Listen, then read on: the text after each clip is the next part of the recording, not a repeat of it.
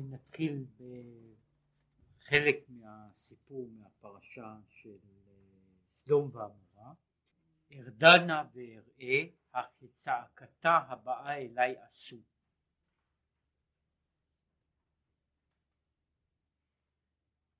הנה, כן, קודם הוא מעמיד כאילו את השאלות או את הנקודות שעליהן הוא יתמקד כרגיל.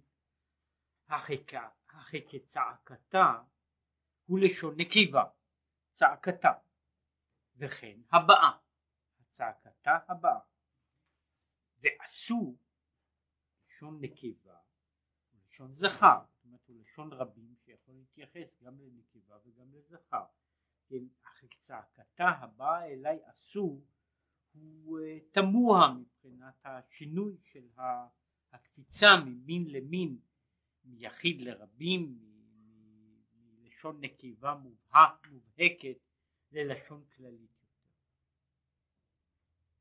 כן, זאת בעיה אחת. בעיה שנייה, שהיא בעצם העניין, לא בדקדוק,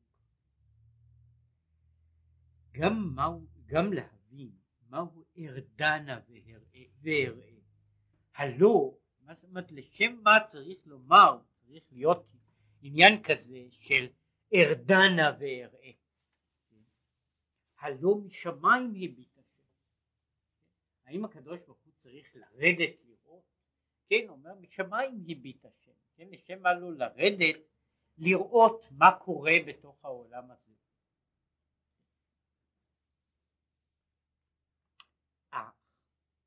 פירוש צעקתה היינו צעקתה בלשון נקבה היינו הצעקה העולה מבחינת מידת הדין.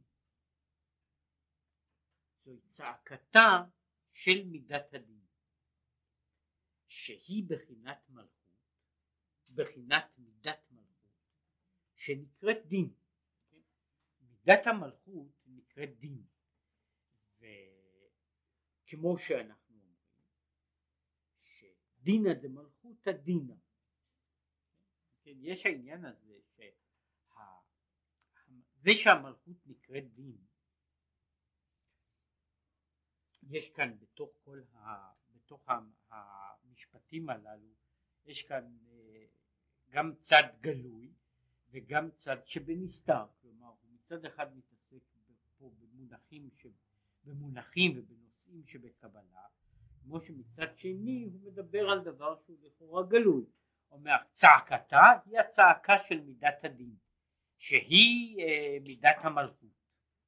עכשיו הוא מסביר מדוע הוא מדבר על הנקודה הזו משום שבדרך כלל מידת הדין מידת הדין במובן המובהק המוגדר שלה היא אה, מה שנקרא מידת הגבורה ספירת הגבורה אה, מידת המלכות איננה כשלעצמה, איננה קרויה כשלעצמה מידת הדין ולכן הוא היה צריך להדגיש שגם המלכות נקראת דין והוא שאנחנו אומרים דינא דמלכותא דינא משום שחלק מהעניין של המלכות הוא העניין של דין המלוכה של, של העניין הזה של, של חוק המלכות כן? מלכות בלי חוק היא איננה בעצם מלכות כן? זהו העניין של, של דינא דמלכותא חוק, חוק המלכות דין המלכות. אבל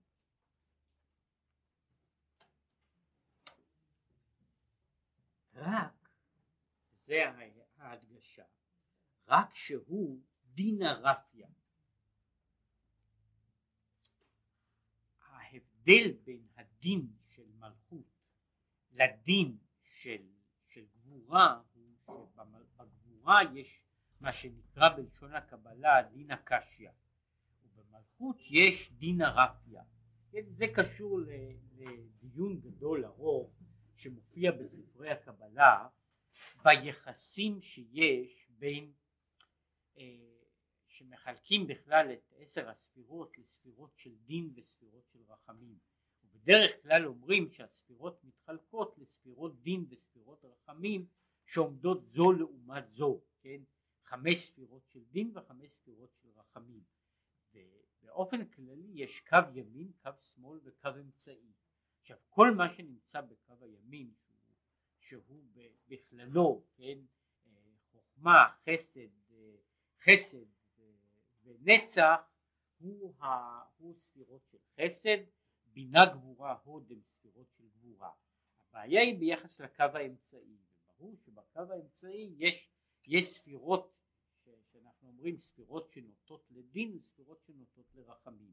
וספירת המלכות היא ספירה ששייכת, אף על פי שהיא בקו האמצעי, מבחינה זו היא ממוצעת, משוקללת, אבל היא איננה ממוצעת מיצוע גמור, אלא שהיא בעצמה בבחינה של, בבחינה של דין, וזה מה שאנחנו אומרים גם מבחינה אחרת של השמות הקדושים, יש שם שהוא השם של מידת הדין, הוא שם אלוקים, ויש שם שהוא השם של מידת המלכות, זה שם אדנות.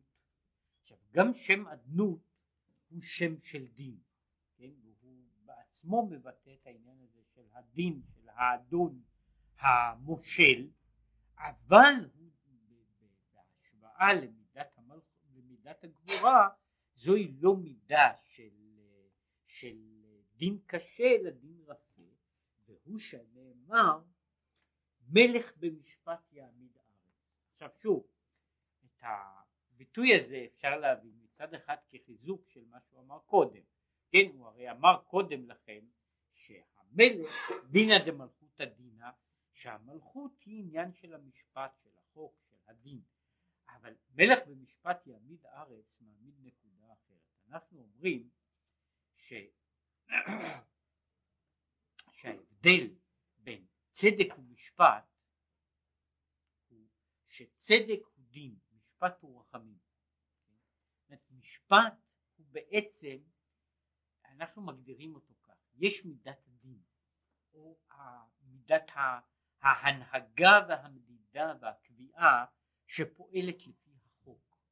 ויש משפט, משפט כולל בתוכו שקלול של דברים שכולל גם את העניין הזה של מידת הרחמים של מה, מה בכל זאת אפשר לומר במקרה זה או במקרה אחר שאיננו קשור לפי, לפי מידת הדין העניין הזה של ייקוב הדין את ההר הוא הדין השלם, החוק הוא כזה וכזה. עכשיו יש, יש הביטוי למשל בספר ספר משלי, לא יבוזו לגנב כי יגנוב למלא נפשו כי ירעב. יש דבר כזה, נכון, הגנב הוא גנב, מבחינת מידת הדין, בין שהוא גונב, גונב תכשיטים של מישהו משום שהוא רוצה להתהולל בהם, ובין שהוא גונב פת לחם, הוא גנב. יש העניין זה העניין של משפט. העניין של משפט מעריך או מגדיר את, את הנקודה של הדין והוא מגדיר אותה, כן? והוא העניין של רחמים שממצה את הדברים. לכן שהוא אומר אמנם המלכות היא דין, אבל הוא דין רפה ושההגדרה שלו שמלך במשפט יעמיד ארץ. כלומר המלך בנוי על הבחינה זו של מידת המשפט ולא של מידת הדין. בעצם מהותה של המלכות, לכן המלכות היא בעצם הקו האמצעי, משום שהיא כוללת גם את השיקול של, של, ה, של החסד, של הרחמים. וזה שכתוב, הכי כצעקתה הבאה אליי. הצעקה הזו, עכשיו הוא מסביר, וזה גם קשור לעניין, ואחר כך ידבר עליו בפרט, מידת המלכות היא זו שנקראת השכינה. השכינה היא בחינת ההתגלות האלוקית של השוכן איתם בתוך טומאתם, של ההתגלות האלוקית שהיא שייכת לעולם הזה, למציאות הזו. לכן זוהי צעקתה של מידת הדין, כמו שאומר צעקתה של המלכות של השכינה, שהיא צועקת ולגביה, מה שאחר כך ייאמר לגבי ארדנה, זו ירידה עד לנקודה הזו של, של מידת המלכות. וזהו כצעקתה הבאה, וכמו שכתוב בערב היא באה, שאגב זה קשור, כאן יש שוב כפילות, אה, בערב היא באה, זה, זה קשור לאותו עניין הזה של מידת ערב, מידת דין, הצעקה הבאה, מידת הדין הבאה ואותו דבר יש ברחל באה. כן גם רחל גם רחל גם כן בחינת מלכות שהיא בחינת שכינה כן? כן יש פה כאילו אותו, אותם הדברים אותם הדברים חוזרים. הצעקה הבאה בערב היא באה רחל באה כל אלה הם אופנים שונים של הגילוי של, של, של, של, של מידת המלכות. אגב, זה קשור, שוב, בקשר לא, לא, לא, לא, לא, לא חלק, כן, אלא עמום, אל העניין הזה שאנחנו מדברים על שהשמש באה. ביאת השמש היא השקיעה. זאת אומרת השמש באה, בערב היא באה, הצעקה הבאה הם כל אלה כאילו סוג של הדעיכה, לא של הזריחה. השמש יוצאת והיא באה, כן, והיא באה זה בואה, וזה שוב, כמו שנראה הוא קשור, כל הדברים האלה קשורים קשר פנימי, גם על הגלוי, גם בבחינת הגלוי, גם בבחינת הנסתר, לעניין הזה של, של צעקת המלכות. כן? באמת, אז אומר, יש הדין, מידת הדין צועקת, והקדוש ברוך הוא מקשיב. זה היה מה שקוראים לזה מין מבנה, מין התוויה של קווים. לא, לא בגדר של, של, של הסבר, אלא התוויה של קווים. כאילו שרטוטים בנושא הזה, משום שאף על פי שאחר כך נדבר על זה בפרטות וביתר פרטות, אבל סך הכל הוא התוויה של כמה קווים בנושא הזה. עכשיו הוא מגיע לנושא, לצד אחר לגמרי, שהוא גופו של הדבר, שהוא עוסק בבעיה, בעיה כללית מאוד, וביאור העניין. הנה מתחילה יש להקדים לשון השגור בדברי חז"ל והוא שאנחנו אומרים ככה גלוי וידוע לפני מי שאמר והיה עולם. גלוי וידוע דייקה גם גלוי גם ידוע אבל ההגדרה ומה שהוא מדגיש בעיקר היא לא הכפילות של גלוי וידוע אלא הלשון. גלוי, ידוע לפני מי שאמר והיה עולם. כמו שנראה, השאלה המרכזית שהיא שאלה פילוסופית שאנחנו מיד באים לדון בה היא השאלה האם הקדוש ברוך הוא מגלה מה שיש בעולם? נודע לו מה שיש בעולם? או כמו שהוא אומר ולכן הוא מדגיש את הקו הזה גלוי וידוע לפני מי שאמר והיה עולם. זאת גלוי וידוע הוא איננו עניין של פעולה, כן? אלא עניין של הפעול, של המציאות, גלוי וידוע. זאת אומרת הדבר הזה פרוס, קיים, כן? וכמו שהוא יסביר זוהי נקודת הפתרון לשאלה פילוסופית. כי הנה הפילוסופיה, וזה נכון לגבי כל כל מה שיש גם פילוסופיה, פילוסופיה הכללית, הפילוסופיה היהודית של ימי הביניים, נלאו להשיג עניין ההשגחה אחת הבעיות המציקות של הפילוסופיה הדתית, האריסטוטלית ולאו דווקא, הייתה בעיית ההשגחה. וככל שההשגחה יותר פרטית, זה היה יותר, זה יותר מפריע לפילוסופיה. כן? אפילו, אה, זאת אומרת השגחה כללית זה כבר, זה אפשר ליישב בדוחק, אבל השגחה פרטית כמו, אומר למשל, אין אדם נוקף אצבעו מלמטה אלא אם כן מכריזים עליו מלמעלה. כן? זאת אומרת בן אדם איננו מקבל פצע באצבע למטה אלא אם כן מכריזים עליו למעלה. זה, זו, זו בעיה של מה שקורה השגחה, פרטית השגחה כללית אני יכול לדבר על העניין הזה, על יחסי טוב ורע בכלל, על היחסים, על השגחה, על מין שלם, על דברים, על מהויות שלמות, אבל כשאדם נוקף אצבעו ושנקיפה נקיפת האצבע איננה שרירותית ומקרית, נקיפת האצבע היא אה, קשורה ב, ברצייה של מעלה, בלי שיכריזו עליו מלמעלה הוא לא יקבל מכה קטנה באצבע, כן, זו, זו הייתה הבעיה, שהיא הבעיה, הבעיה שעמדה בפני הרבה מאוד והיא אה, באופן אחר, לא פילוסופי, מפריעה להרבה מאוד אנשים כעת, זאת אומרת, היא מפריעה באופן לא פילוסופי, אבל היא מתרוצצת ככה בתוך, ה, בתוך התודעה של אנשים, כן, ילדים, מבוגרים, כל הבעיה הזו של ההשגחה הפרטית עד לנקיפת אצבע. קשה להם, זאת אומרת, מה הבעיה? הבעיה היא בעיה קשה להם, כיוון שהוא יתברך יחיד ומיוחד, אחד האמת, כלומר האחד האמיתי, כמו שמוסבר, ש, שלמעשה אה, יש לנו מה שאנחנו קוראים לזה אחד לא אמיתי. מה זאת אומרת אחד לא אמיתי? וזה מעין מה שמופיע גם בזוהר, שאנטו חד ולא בחושבן, אתה אחד ולא בחשבון. האחד של המתמטיקה אף על פי שהוא יחידה, ובדברים מסוימים הוא באמת יחידה אחת, האחד המתמטי על כל פנים ניתן לחלוקה. ומבחינה זו הוא אחד, אבל הוא לא אחד אמיתי, הוא אחד במובן הזה, זאת אומרת בהכללה מסוימת הוא אחד, אבל אני יכול גם לחלק אותו לחלקים רבים. ההגדרה של כאחד האמת הוא אחד שאין בו בכלל חלוקה, אחד לא חשבוני, שאי אפשר לומר אחד ועוד אחד, ואי אפשר גם לומר אחד לחלק לכך וכך חלקים.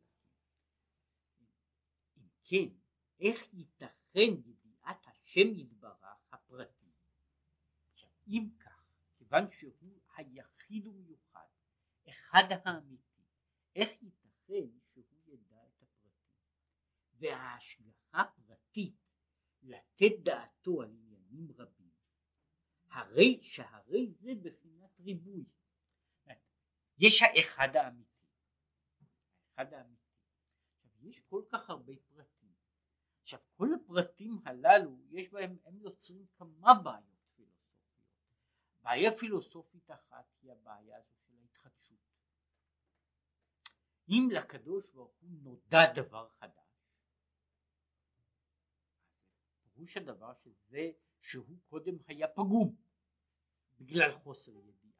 עכשיו בעצם העניין הזה שיש כל כך הרבה דברים פרטיים שהם כאילו כולם, אם הוא יודע אותם, פירושו של דבר שהם מרכיבים את מהותו היחידה על ידי כך וכך פרטים, אלף פרטים, מיליון פרטים, כן? זאת אומרת שכל אלה כך יוצא שהאחדות האלוקית נפגמת ידי הריבוי של הפרטים אם אנחנו אומרים שהוא כולל את הפרטים הללו. מפני שההנחה הנוסח שהוא מפליג הנוסח הדאיסטי כן? שהוא בעצם שהוא פחות מאשר עזב השם את הארץ אלא השם הוא אומר הוא עשה את העולם אם בכלל כן? עשה את העולם ואין לו שום קשר ואז מבחינה זו ריבוי הפרטים איננו פוגם באחדות האמיתית שלו, מפני שהפרטים מתרחשים במישור שאין לו שום נגיעה. הקדוש ברוך הוא בעולם אינם נוגעים מהדדי. אבל בזמן שאנחנו מדברים על זה שהקדוש ברוך הוא יודע את הפרטים, כן? וזה כאן לא משנה ידיעת הפרטים, הוא מתייחס אל הפרטים הללו, פירושו של דבר שיש ריבוי עצום של כך וכך פרטים בתוך האחדות. חז"ל כיוונו לתרץ זה בדיבור אחד באומרם גלוי וידוע לפני מי שאמר והיה עולם. ולכן הוא אומר הלשון הזה של גלוי וידוע היא תירוץ לשאלה הזו. שאין ידיעתו יתברך כדמיון ידיעת האדם שדעתו השיג הדבר ומתחילה לא ידעו. עכשיו, וכשיודע הדבר, מהו תהליך הידיעה האנושי? זאת אומרת, קודם כל לא ידעתי. עכשיו, אחרי זמן מסוים נודע לי. וכשיודע הדבר, הרי דעתו מלובשת בידיעה זו ומחשבה זו, שנותן דעתו להשיגה. וקודם ידיעתו, היה דעתו פנוי. יש לי דעת. עכשיו אני מסתכל ורואה דבר חדש. זאת קודם הדבר הזה היה, הנקודה הזו הייתה בשבילי ריקה, עכשיו אני רואה דבר חדש, אני יוצר קשר בין, הא, בין, הא, בין האובייקט לביני, ועל ידי זה אני כולל משהו נוצר, יחס חדש בין, בין המציאות ובין דעתי היא עכשיו דבר אחד, והמציאות הזו היא עכשיו כלולה איכשהו בתוך דעתי. והרי זה בחינת שינוי והתפעלות. לא, יש לא רק השינוי, שזוהי ההסברה של הבעיה הזו, שהיא בעיה לא רק של ביטויים שהם נראים נאמר מפליגים בזה, שהקדוש ברוך הוא כועס או מחייך, כן, או, וכל הביטויים האלה נמצאים במקרא וגם בדברי חז"ל, כן, שהקדוש ברוך הוא כועס, שהקדוש ברוך הוא יושב בשמיים משחק, כן, ועוד כיוצא וכיוצא לא רק ביטויים כאלה שהם ביטויי שינוי, עצם המושג של ידיעה לכאורה כולל בתוכו. כל ידיעה שאני קולט יוצרת שינוי. אין ידיעה בלי השתנות. השתנות יכולה להיות מפליגה או יכולה להיות חסרת כמעט חסרת משמעות אבל כל ידיעה נוספת היא שינוי בתוך, בתוך המאגר הקיים. אבל מה שאין כן למעלה ידיעתו יתברך שיודע כל העולמות ופרטיהם אין העניין שדעתו מתלבשת ונתפסת בזה, אלא על דרך גלוי וידוע, שהכל גלוי וידוע לפניו יתברך ממילא, ואם צריך להיות נתפס ומתלבש בדבר לידה. כן, הגלוי וידוע, וזה קשור ב... האמת היא ש, ש, שהדברים של הרמב"ם בעניין הזה, והרמב"ם נוגע בשאלה הזו, הרמב"ם נוגע בשאלה הזו גם במשנה תורה, ומתחבט והוא אומר שם דברים, כן, בצורה אחת, ומשיגיו השיגו עליו בעניין הזה, כולל הראב"ד, שבין השאר אומר ש, ש, שהוא לא היה צריך להעלות שאלה שאין, לו ביד, שאין בידו תשובה עליה. אבל בתמצית הוא אומר, הוא אומר כך הגלוי וידוע הוא יש, יש דבר שאני אומר שאני, שהוא נודע לי. יש דבר שהוא ידוע לי הוא ידוע לי בעצם, בעצם העניין לא על ידי, על ידי התפעלות אומרת אינטראקציה ביני לבין מה שאני, אלא דבר שאני כבר יודע. זהו הדבר שאני יודע אותו מכבר, ולכן הדבר הזה איננו מוסיף, מציאותו איננה מוסיפה בדבר. יש דברים שהם כאילו כולם נמצאים בתוך ידיעתי. במקרה הזה אין שינוי בזה שאני יודע, שהדבר בין כה וכה גלוי וידוע. כן? זה בערך כמו שמישהו בא, באמת, מישהו מספר לי דבר שאני כבר יודע אותו. כשהוא מספר לי דבר שאני כבר יודע אותו זה לא עושה שום שינוי, זה לא מוסיף, אם הייתי קורא לזה בלשון אחר, זה לא מוסיף שום אינפורמציה, שום דבר לא נוסף. זה היה, הדבר הזה לא שינה שום דבר בתוך המערכת.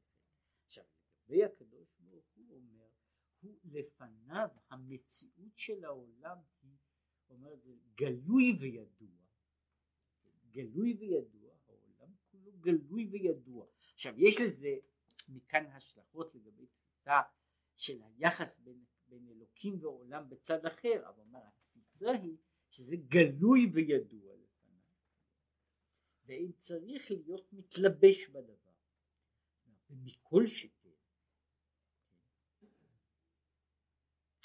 אומר, וזוהי הערת אגב, ומכל שכן ממה שמחיה ומהווה הדבר, שלא על ידי התלבשות בדבר, כי אם על ידי היותו סובב כל הזמן, וכל שכן וקל וחומר שידיעת הדבר ופרטיו אין צריך להיות על ידי התלבשות ותפיסה בדבר.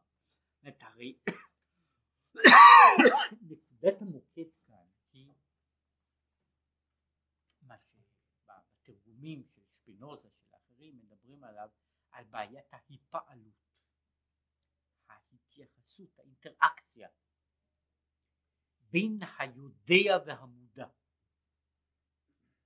הוא אומר שלגבי הקדוש ברוך הוא אין אינטראקציה, לא בבריאת העולם ולא בהכרת העולם.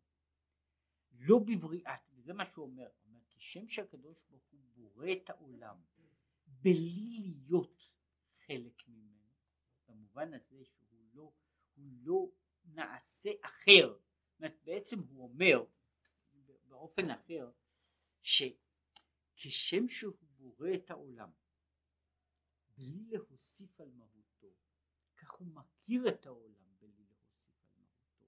בעצם גם מבחינת הבריאה, שם מופיע הביטוי שהוא נושא, נושא בפני עצמו, שהוא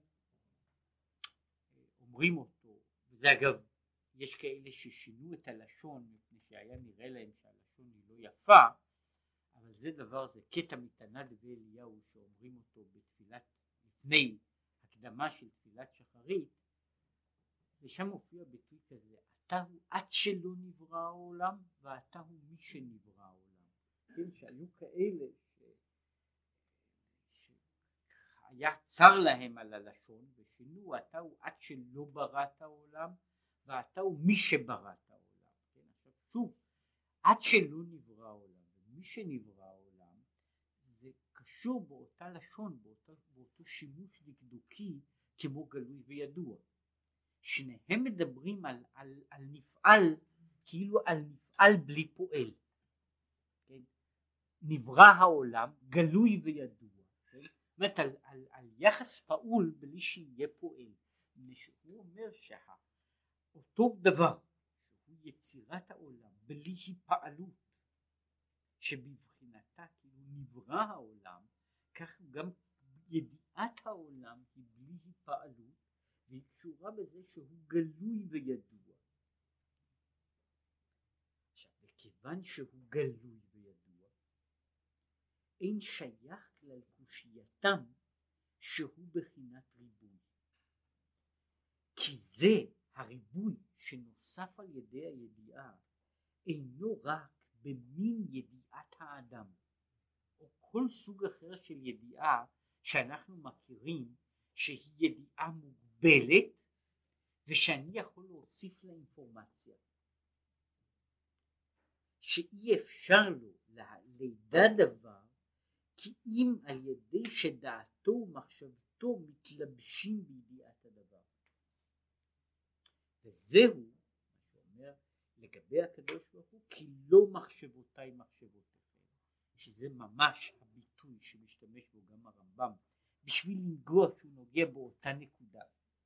נקודה עצמה של בעיית הידיעה והבחירה וההשגחה מדוע? כי הוא גלוי וידוע לפניו. כן, הוא אומר, ה, ה, ב, ב, בצד אחד, הוא יכול לומר ככה, ידיעת האדם היא ידיעה אינטראקטיבית. יש לה גבול מסוים והיא מקבלת כל הזמן אינפורמציה חדשה. ידיעת הקדוש ברוך הוא איננה אינטראקטיבית ובין השאר משום שהכל מעצמו גלוי וידוע. כן, הוא גלוי וידוע, זאת אומרת כל המציאות כולה היא גלויה וידועה עם כל המצעים שלה ועם כל האלטרנטיבות שלה. והוא מאיר בצדק והמשכיל יבין דקות הדברים ולאו כל מוחה סבילדה. אומר, אומרת לא כל מוח סובל אה, יכול לשאת את העניין הזה מפני שהנושא הזה הוא בצד מסוים אחת.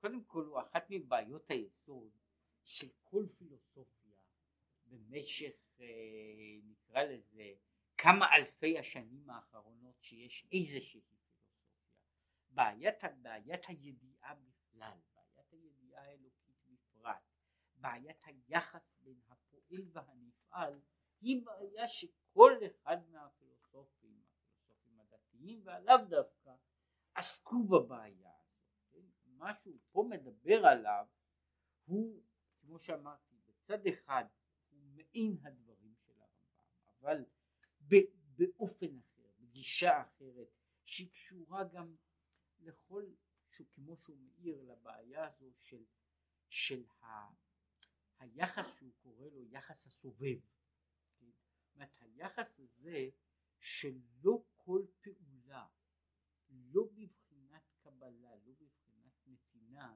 היא פעולה אינטראקטיבית. זאת אומרת לא כל פעולה היא פעולה של כאילו העברת דברים ממקום למקום. שיש דברים שמציאותם או התייחסותם נובעת כמו בבחינת סובב מעצם קיומם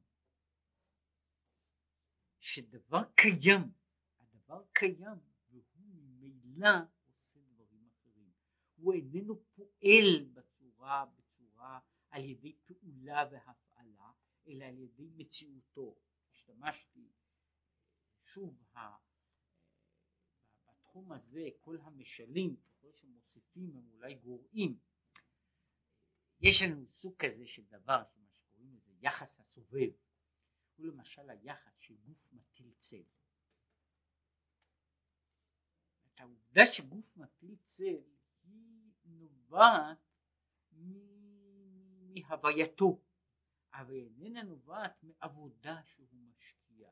הוא מטיל צל לא משום שהוא עושה עבודה בהטלת צל. הוא משקיע בתוך העניין הזה אלא מפני שכשהוא נמצא הוא מטיל צל כשהוא נמצא הוא יוצר, הוא יוצר מבנה אחר של החומר שיוצר כוח משיכה שהוא יוצר אותה מתוך, מתוך הווייתו, מתוך הווייתו בלי שהוא יפעיל איזשהו כוח באותו עניין. עכשיו בעניין הזה יש דברים שוב שהם מופשטים עוד יותר שהם מבחינה למשל היחס בין ה, ה, הסיבה והמסובב לא בבחינה פיזית אלא בבחינה לוגית שאחד מהם יוצר את האחד יוצר את השני בלי שהוא משפיע על מציאותו של אחר בלי להיות חלק ממנו. בצד למשל שהשניים איננו יכול להתקיים בלי האחד. לא בבחינה של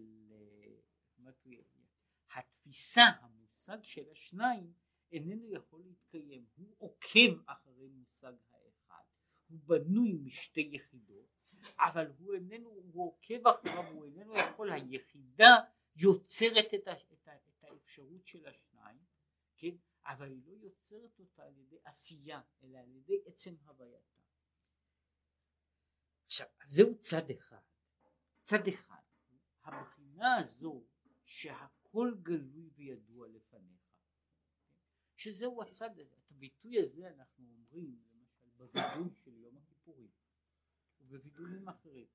הכל גלוי וידוע לפניך, כן? מה נאמר, מה נדבר, מה נספר, וזו אחת השאלות שקשורה גם לעניין שלנו. אם הכל גלוי וידוע לפניך, למה אני צריך לספר? הפתרון לגבי העניין של הווידוי הוא פשוט, כן? אחד הפתרונות. אומר, אני באמת לא צריך לספר לקדוש ברוך הוא, אבל אני צריך לספר לעצמי, כן? הקדוש ברוך הוא יודע באמת את כל החטאים שלי אבל אני מזמן כבר שכחתי כן? וזה חלק מהעניין הזה הוא ש, שאני צריך, צריך לספר כן? אני יכול לומר ריבונו של עולם אני ספרתי עד כמה שידי מגעת כן? אני חיטטתי וניסיתי לגלות מה שאני יודע. כן אתה יודע את כל השאר כן אבל אני מספר את, ה... את מה שאני יכול לדעת. יש צד אחר שהוא מדבר עליו, ידבר עליו הלאה, מי, מה מעבר לנקודה הזו של הכל גלוי וידוע, כלומר הכל גלוי וידוע מעמיד, וזה לא משנה אם העולם הוא סטטי או משתנה, אומר אה, כמו, ש, כמו שיש בפרק קל"ט בתהילים, כן? הלא אתה ידעת יודע את הכל, מה יש לדבר? כן? מה יש לדבר? אתה יודע הכל.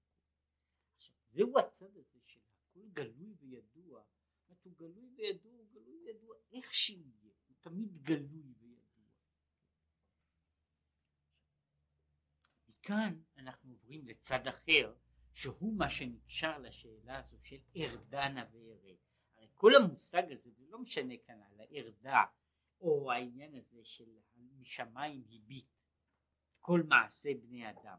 השאלה היא פה, והוא הצד האחר, הנה כתיב,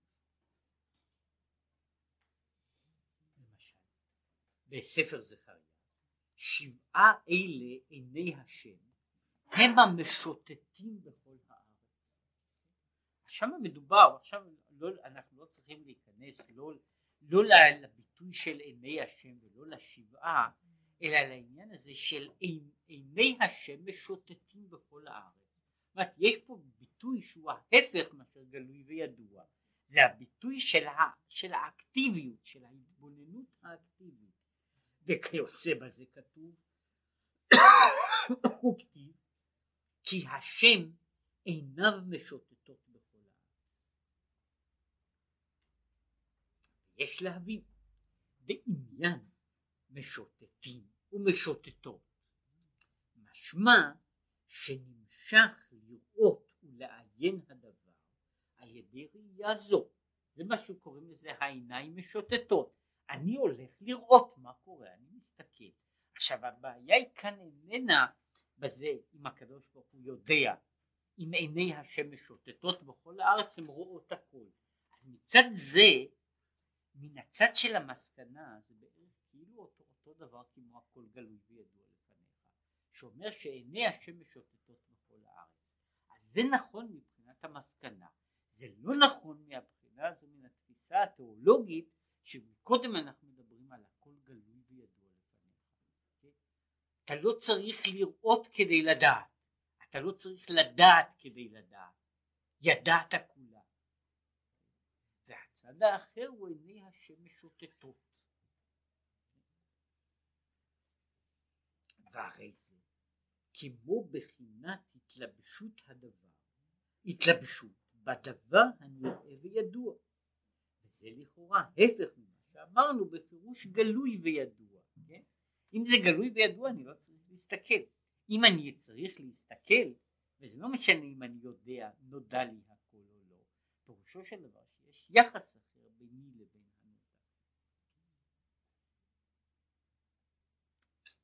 אבל העניין, עכשיו אנחנו נכנסים לעוד שכבה.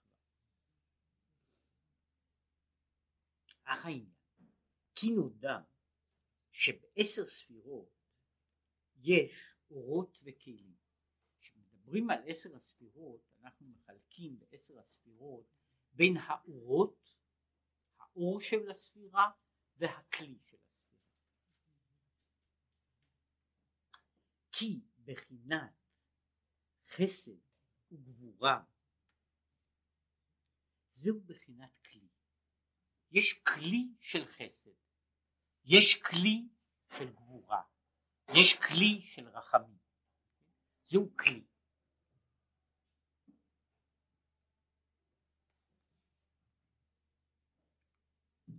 אבל האור הוא הארה מאינסוף ברוך דלאו מכל עינון מידות יהיו כלל, רק שהאור מתלבש בכלי שהוא חסד וגבורה ושאר המידות שהם נקראים בחינת כלים שהם מגבילים את האור ובהם ועל ידם נמשך האור.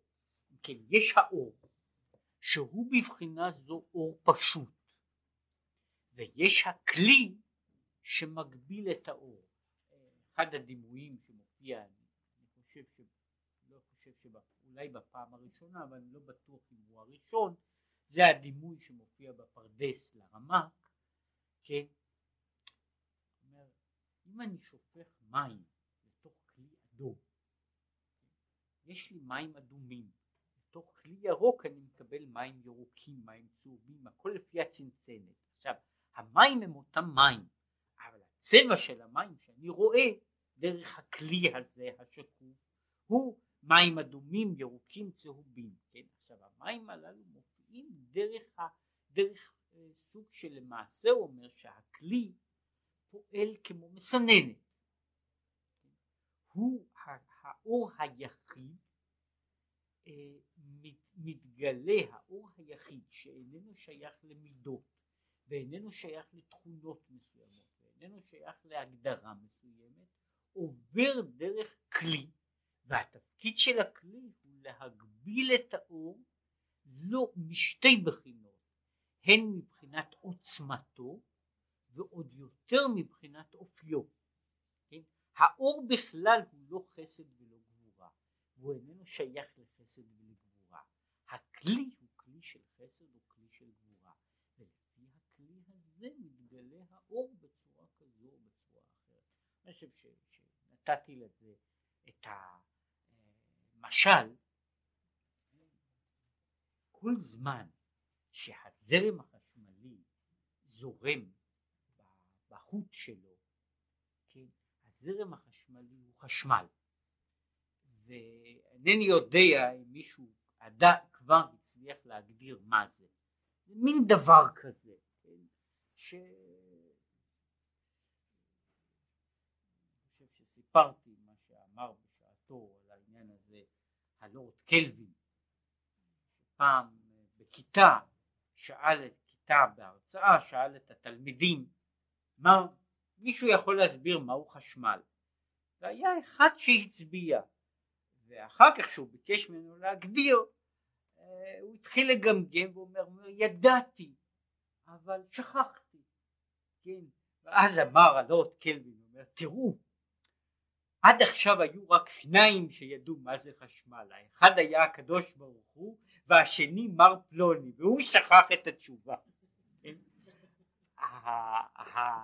את אומרת אבל לחזור לעניין הזה, זאת אומרת יש חשמל, עכשיו לחשמל יש, אנחנו עושים כלים, אנחנו עושים כלים, אז יש כלי שהחשמל עובר ועל ידי זה הוא נעשה אור יש כלי שעובר בו חשמל והוא הופך להיות חום. יש כלי שהחשמל עובר בו והוא נעשה קירור. יש כלי שהחשמל עובר בו והוא הופך להיות תנועה. עכשיו החשמל בעצמו הוא אותו חשמל. החשמל שמזורם במקרר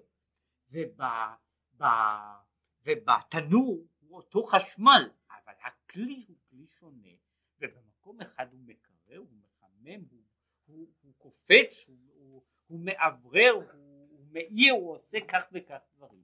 עכשיו זהו העניין של מה שקוראים לזה של היחס בין האור שהוא יחיד ואיננו מוגדר. אני לא יכול להגיד שהחשמל שם הוא גם מחמם, יש לו קצת, הוא קצת מחמם וקצת מקרר וקצת מאיר וקצת מחשיך וקצת מנפנף, אלא הוא דבר מהות לעצמה שעל ידי המעבר שלה בתוך כלי מסוים הוא מקבל אופי כזה או אופי אחר.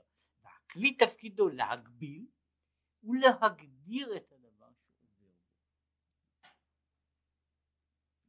זהו היחס בין האור ועל ידם, על ידי הכלים נמשך האור להיות מחיי נבראים בעלי גבול האור האינסופי איננו יכול לברור חוויות מוגבלות אבל הכלים מגבילים את האור ועל ידי זה נוצרים נבראים בעלי גבול מכל הבחינות. להיות התהוות מיכאל וגבריאל. מחנה מיכאל מקבלים מבחינת חסד וגבריאל מבחינת גבורה. שאי אפשר להיות המשכה זו מהאור עצמו כי על ידי הכלים. אם כן מן הכלים נמשכים הדברים בצורה של חסד או בצורה של גבורה. מחנה מיכאל או מחנה גבריאל בחינה של הערה כזו או הערה אחרת. וכמו שהוא אומר הוא מביא דוגמה ממין אחר. כמו שאי אפשר להיות השפעת כסף וזהב מהנשמה אלא אם כן מלובשת בגוף ונותנת הנשמה צדקה לעני על ידי היד הגשמי. אומר נכון שאת הצדקה את הצדקה אדם נותן מכוח הנשמה אבל הנשמה בעצמה לא יכולה לתת די הכלים בעשר ספירות הוא גם כן בחינת העלאת הזכות והחוב של כל נברא. עכשיו אומר, כשם שהכלים הם המכשירים.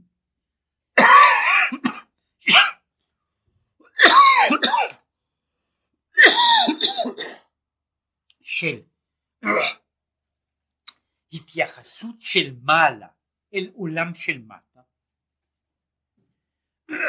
כמו כן הכלים הם גם הדרכים שבהם העולם של מטה מתייחס אל העולם של מעלה.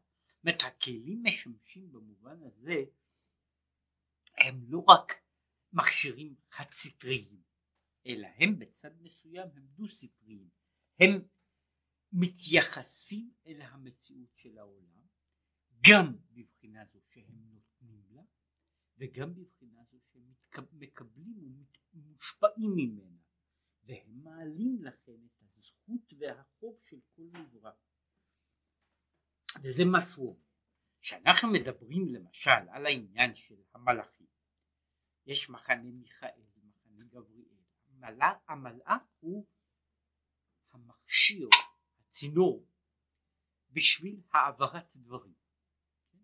הוא, המלאך הוא למעשה שליח, כן? והתפקיד של השליח הוא שוב, הוא מעביר את המהות מנקודה אחת לנקודה אחרת. הוא מעביר, המלאך הוא המעביר את החסד. הוא, ה, הוא הצינור, המכשיר שדרכו עובר החסד, משום ש... כשם שבמציאות העולם בכלל, ועל זה מדובר הרבה, אם הקדוש ברוך הוא רוצה לנו, לתת לנו חסד מבחינת חסד ואין סוף, זה יפה מאוד, אבל אני לא יכול לאכול את זה. מפני שלצערי אני יכול לאכול לחם, אינני יכול לאכול חסד ואין סוף. לכן החסד צריך להיכנס ולהיגדר בגדר אחר גדר כדי שאני אוכל לבנות אליו יחס. כן, ובמקומות אחרים נדבר על זה שיש אותם דברים הנראים לנו לפעמים כרע הם להיות שהם התגלות בדרגה גבוהה יותר, כן? במקומות בזמנים אחרונים יש גם דיבורים כאלה שאנחנו מבקשים שהקדוש ברוך הוא ישפיע לנו, ישפיע לנו טובה בטוב הנגלה והנראה, כן? שהוא יכול להשפיע טובה במה שקוראים לזה בדרגות עליונות. הטובה שבדרגות עליונות יכולה לגרום לי לנדודי שינה, כן? ואני מבקש שהקדוש ברוך הוא יעשה את זה, כן? ויסביר לי את טובתו באופנים שאני מסוגל להבין. כן? אומרת, והדבר הזה כשלעצמו הוא נכון, הוא אמת, אבל אני רוצה שהטובה תהיה כזו שאני אוכל לקלוט אותה. אז יכול להיות שהטובה שהוא משפיע לי על ידי זה שיש לי צרות וייסורים וכאבים ומחלות, יכול להיות שזה שפע עליון מאוד. וכמו שהוא מסביר בכמה מקומות, זה באמת מתנה גדולה. אומר אני מבקש ריבונו של עולם אל תיתן לי מתנות בדרגות כל כך גבוהות. זאת אומרת אני רוצה מתנות קטנות, כן? או בערך כמו ש... שיבוא מישהו והוא מדבר על זה בכמה וכמה. אם אני רוצה להסביר למישהו דבר, כן? הוא מדבר על זה במקום במאמר אחר על העניין הזה של המשל. אומר, אני יכול להסביר למישהו את העניין, כן? ואני יכול לתת לו בדיוק את הנוסחה המתמטית שמסבירה את העניין הזה. אבל מה הוא יעשה כשהוא לא יודע מתמטיקה? הוא בקושי הוא ילד קטן שמבין עכשיו רק, רק כמה מילים פשוטות. אומרת, נכון שנתתי לו נוסחה שהיא אמיתית והיא נכונה והיא הרבה יותר מדויקת מכל מה שאסביר לו, אבל מה הוא יעשה שזה לא אומר לו שום דבר? זה בשבילו רק כאב ראש ולא יותר. עכשיו כדי שהוא יבין, זו הבקשה שאנחנו מבקשים. כל פנים אומר, זהו המלאך. אומר, אבל המלאך פועל באופן דו סטרי. המלאך גם אומר, על ידי זה מה שהוא אומר כי על ידי שהאדם עובר עבירה, קונה לו קטגור אחד. מה זאת אומרת? נעשה פגם וכתם באותו המלאך הממונה על זה. כי יש מלאכים שמקבלים ממידה זו ויש ממידה זו, כנזכר לאל בעניין מיכאל וגבריאל. וכשאני עושה עבירה אני יוצר פגם בתוך המציאות. והפגם הזה במציאות, במהות הרוחנית שלה, אני יוצר פגם, מה שאומר, אני עושה, אני, אני יוצר פגם במלאך, אני עושה מלאך אחד שחור. הוא אומר, ומלאך זה מעלה הדבר למלאך גבוה ממנו, באותו אופן כשם שההשפעה יורדת מלמעלה למטה כך היא גם התגובה שלי גם כן מתפשטת מלמטה למעלה, אלא שהיא מתפשטת כמובן בדרגות עליונות היא מתפשטת בצורות אחרות. היא צריכה גם כן לעבור תרגום כדי שהיא תתקבל למעלה, או כמו שמישהו מישהו אמר, כתוב על הקדוש ברוך הוא כי לא יגורך רע. אצלך לא יכול להיות רע. אז איך השטן יכול לקטרג? השטן לא מקטרג, רק עולה פסוק מן התורה שבו נעברה העבירה הזו, הוא צועק כואב לי, כן? וזה מספיק, כן? זאת הקדוש ברוך הוא לא צריך לשמוע שמישהו עבר עבירה, כן? אלא הפסוק מהתורה צועק שכואב לו, כן? מישהו דוקר אותו. עכשיו, עד שמתעלה בכלים בעשר ספירות דמלכות דאצילות שהם מתלבשים בבריאה יצירה עשייה ובתוך הכלי מלובש האור מאין סוף ברוך. אגב, זה, כאן יש כבר התחלה של מה שהוא אומר בעניין הזה של הבעיה הזו של הירידה, של צעקתה. זוהי הצעקה של מטה זוהי הצעקה של מידת המלכות. זאת מישהו, מישהו מציק, מישהו מציק, מישהו מעליב, מישהו פוגע, והפגיעה הזו עולה ונעשית יותר ויותר מופשטת, ועד שהיא נעשית צעקה של המלכות בכלל, של השכינה בכלל, מה שהוא קורא לזה, שיש הביטוי הזה בזוהר, שוואי למאן דמעיקים לשכינתה. מי שמציקים לשכינה, אומרת, אני, אני, אני מציק על ידי שאני עושה דברים מסוימים, וזה עולה בדרגה דרגה מעל דרגה, עד שהוא מגיע לאותה דרגה של הפשטה, ששם אני אומר, הוא מעיק לשכינה. עכשיו, ונמצא על ידי הכלים מתעלה לאור אינסוף ברוך הוא, המלובש בכלים בעשר ספירות. ולכן נאמר על זה עיניו משוטטות, שהוא בחינת הכלים בעשר ספירות. כן. עיני השם הם ה... אותם הכלים שבהם הקשר בין אינסוף לעולם הם עיני השם אוזני השם ולכן הוא אומר וכיוצא בזה אנחנו אומרים המלאכים המקבלים מהם נקראים מהם נקראים מרי דעינים אדוני העיניים יש מרי דאודנין אדוני אוזניים והם משוטטים בכל הארץ. כמאמר מה מלמעלה ממך. עין רואה ואוזן שומעת וכל מעשיך בספר נכתבים ובכלים שייך לומר משוטטים בבחינת התלבשות בדבר שהרי כל היחס הזה שהוא קורא לו היחס בין המציאות של מטה והמציאות של מעלה הוא כל הזמן יחס של התלבשות. זאת אומרת היחס הזה איננו יחס אה, מנותק של דבר שאיננו פועל על דבר אחר אלא הוא כל הזמן יחס של פעילות בדברים. זאת אומרת הדברים של מטה פועלים על דברים של מעלה והם מבחינה זו עיני השם משוטטים בכל הארץ. זאת באותו אופן שהוא פותח את ידיו ומשביע לכל חי רצון על ידי כל צינורות ההשפעה. כך באותו אופן עיניו משוטטים בכל הארץ, משום שאותו צינור בעצמו, שהוא הקשר של מלמעלה למטה, הוא גם הקשר שפועל, שפועל באותו אופן גם מלמטה למעלה.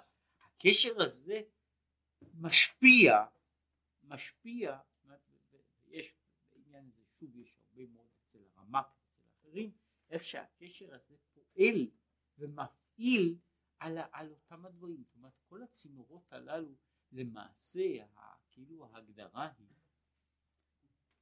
אם אני אזכיר, יש, יש אה, משל ארוך של הרמ"ק בעניין הזה, שמא הוא מתאר, זה משל שהוא מאוד מאוד מכניסטי, אבל הוא, הוא מופיע ב, ב, ב, אצל הרמ"ק בהרחבה, אומר היה מלך גדול שהיה לו אי ובאי הזה הוא שיכן ציפורים. ולציפורים הללו הוא שם צינורות שבהם הם מקבלים מקבלים את האספקה שלהם של, של המזון והמים כן? וכל מה שהציפורים צריכות לעשות הוא לנהוג כדרכן ויש להם את האוכל והמים וכל מה שהן צריכות, הן מקבלות בצינורות. מה יהיה אם הציפורים יתחילו לשתול? אז הן יכולות לסתום את הצינורות, כן? ואז הציפורים מתחילות לצעוק שאין להם אוכל, שאין להם מים, מפני שהן בעצמן סותמות את הצינורות של ההשפעה. פה יש, הדבר הזה מופיע באופן אחר. זאת אותו, אותו דבר בעצמו, שהוא הקשר של מלמעלה למטה, הוא יוצר גם את הקשר מלמטה למעלה. והחטא, הפגם, נכניסה גם הדברים האחרים, הם פועלים, מה שאומר שהאדם עושה עבירה הוא קונה לו הקטגור, שהוא עושה מצווה הוא קונה לו סנגור, מפני שהדברים הללו פועלים כלפי מעלה. עכשיו ובהם ועל ידם מתעלה הדבר בבחינת האור המלובש בתוכן מאין סוף ברוך הוא. והוא על דרך גלוי וידוע שידיעה זו שבכלים בעשר ספירות שעל ידי עיניו משוטטות הוא בחינת גלוי וידוע לאור אינסוף ברוך הוא המלובש בכלים. כיוון שהאור באמת לאו מכל עינון מידות יהיו כלל אף על פי שהוא מתלבש בכלי כן בעצם אומר שיש יש כאילו שתי בחינות שיש הבחינה אחת מבחינת אור אינסוף מבחינת אור אינסוף אז הכל גלוי וידוע. מבחינת אור אינסוף שום דבר איננו קיים מבחינת המציאות העולם מבחינת כלי המציאות של העולם בכלים הללו של העולם יש השפעה ובכלים הללו של העולם יש עיני השם משוטטים בכל הארץ ושהם פועלים ההדדי באותו, באותו אופן, זאת הם לא, אם, להעמיד את זה בניגוד למשל של הרמ"ק שהוא ביסודו משל חד סטרי ומאוד מכני? פה יש יחס של מה שקוראים לזה של צינורות קשר, של, של, של כלי, של סוג של תקשורת, שהיא פועלת, פועלת בשני הכיוונים, היא פועלת מצד אחד והתפקיד שלו בכל הזמן, התפקיד של הכלי הוא בעצם לתרגם דברים מרמה אחת לרמה, לרמה יותר נמוכה. מרמה, מרמה אחת של הפשטה לרמה אחרת של הפשטה ולהגדיר את הדברים בצורה, כלשהי. אבל היחס הזה, היחס הכפול, היחס הזה הוא יחס כפול משום שהוא גם פועל מלהפך, להפך. כל מה שקורה בתוך העולם הזה גם הוא עולה ברמה אחר רמה של הפשטה. מן הדרגה של המציאות עד לדרגה של מה שקורה ברמה, הוא רק צריך להתרגם, שוב כדי להיקלט, נקרא לזה בעולם, בעולם האצילות, הוא צריך להתרגם בכמה וכמה תרגומים אחרים שמעלים את, את הדבר הזה לרמה, לרמה יותר ויותר גבוהה, זאת אומרת בכל דרגה יש רמה מסוימת של, של קליטה, של הפשטה ששייכת אליה, ואז יש כשם שבאותה רמה זה גם הרמה של נתינה, כך היא גם רמה של קבלה. אבל הוא אומר, מבחינת אור אינסוף, מצד אחד הוא סובב את הכל, הוא מלא את הכל, מבחינת היצירה, יצירת כל המציאות, ובצד הזה גם הכל גלוי וידוע לפניך, בבחינת ההתייחסות של מורכבות העולם וכליו יש העניין הזה כשם שיש הנתינה לכל אחד בפרטות, כך יש גם הקבלה והשמיעה מכל אחד. זהו תירוץ לקושיית הפילוסופים, שאין ידיעה והשגחה זו גורם בחינת ריבוי, כי ההשגחה על דרך עיניו משוטטות הוא על ידי הכלים כנ"ל, אבל הידיעה באינסוף ברוך הוא המלובש בכלים ומה שיודע ורואה מה שעיניו משוטטו הנה ידיעתו יתברך זו היא בבחינת גלוי וידוע כן הוא מחלק פה אחר כך נגיע פעם הבאה אני מקווה שהוא מדבר על הבעיה הזו של, של דעה של מעלה ודעה של מטה הדעה של, של, של עולם עליון ודעה של עולם תחתון. הוא ידבר על העניין הזה, על הכפילות של, של הידיעה בשתי הרמות שלה. יש רמה אחת שבה הכל גלוי וידוע, משהו, משהו, התיאור שמופיע למשל גם בתפילת ראש השנה, שכל העולם, שכולם עומדים לפניו כבני מרון. והוא סוקר את הכל, צופה ומביט וסוקר את כל הדורות בסקירה אחת. זאת אז יש צד כזה שהסקירה האחת היא העניין של הכל גלוי וידוע, שבבחינתה לא רק, לא רק ממדי מקום, אלא גם ממדי זמן, הם כולם דבר אחד שהוא כל כולו סקירה אחת. כל כולו סגירה אחת שהיא גלוי וידוע. עכשיו הגלוי וידוע זה מציאות העולם בהגבלותיו, למשל בתוך תחומי זמן ומקום שהם חלוקים, שהם אינם סגירה אחת. במקומות אחרים הוא מדבר על זה שבשורש הדברים כל העולם הוא רק נקודה אחת? שבה הכל הוא גלוי וידוע. בתוך עצמו. לא, והפיתוח שלו, הגילוי שלו הוא בתוך תחומי זמן ומקום. בתוך תחומי, תחומי הזמן והמקום הם בצורה מופשטת ומופשטת יותר, הם התחומים של הכלים. ובתוך העולם הזה שיש בו כלים, כשאנחנו מדברים על זה של לפני היות זמן בדרגותיו לפני היות זמן, אז אין זמן. לפני היות מקום אין מקום. יש אחר כך קדם זמן, מה שהוא קורא סדר זמנים. יש קדם מקום, ואחר כך קדם זמן וקדם מקום מגיעים ונעשים זמן ומקום ואחר כך הם מתפרטים עד שמגיעים לזמן ומקום כמו שאנחנו מכירים אותם. עכשיו כל זה הוא העניין של מה שאנחנו קוראים לו של הכלים, של השתלשלות העולמות. עכשיו בתוך אלה יש העניין הכפול של ה... מצד אחד של הנתינה לכל אחד בהגדרה המיוחדת של הווייתו וגם הידיעה, מה שקורא לזה עיני השם משוטטים בכל הארץ, שהיא בנויה על אותו דבר בעצמו, על היחס הזה בין הכלים מדרגה אחת לדרגה שנייה. וזהו, כמו שהוא אחר כך מדבר,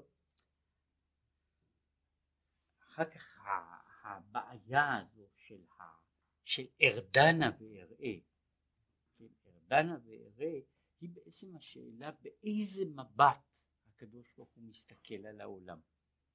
כן? שיש, מפני שיש מבט כזה שבו כל העולם איננו הוויה בכלל. כן? ויש מבט כזה שבו העולם הוא הוויה. והבעיה הזאת שהקדוש ברוך הוא נכנס לתוך, לתוך סדר העולם הוא בעיה של ארדנה, כביכול הוא יורד לתוך מציאות העולם ופועל בתוך העולם למטה. זה העניין הזה של הצעקה הבאה. כן, מה שהוא דיבר פה על הצעקה הבאה.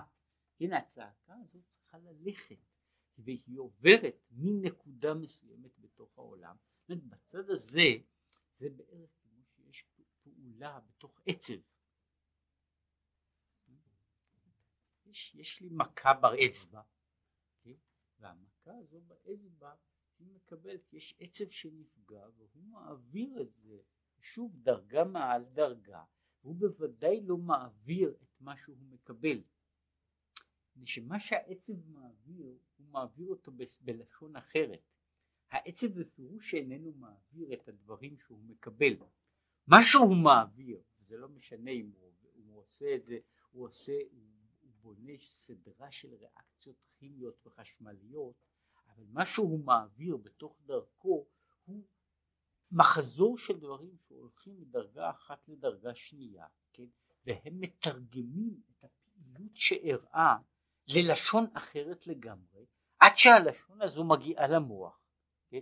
ושהלשון הזו מגיעה למוח, מה שמגיע למוח הוא בוודאי לא מה שקרה ברגל, כן? אבל הוא תרגום מסוים של מה שקרה ברגל. עכשיו, כמו שהוא מסביר את זה ממקום אחר, מה שקורה, הנפש סוקרת את המוח באופן אחר, והיא מקבלת גם כן איזו התייחסות, כן?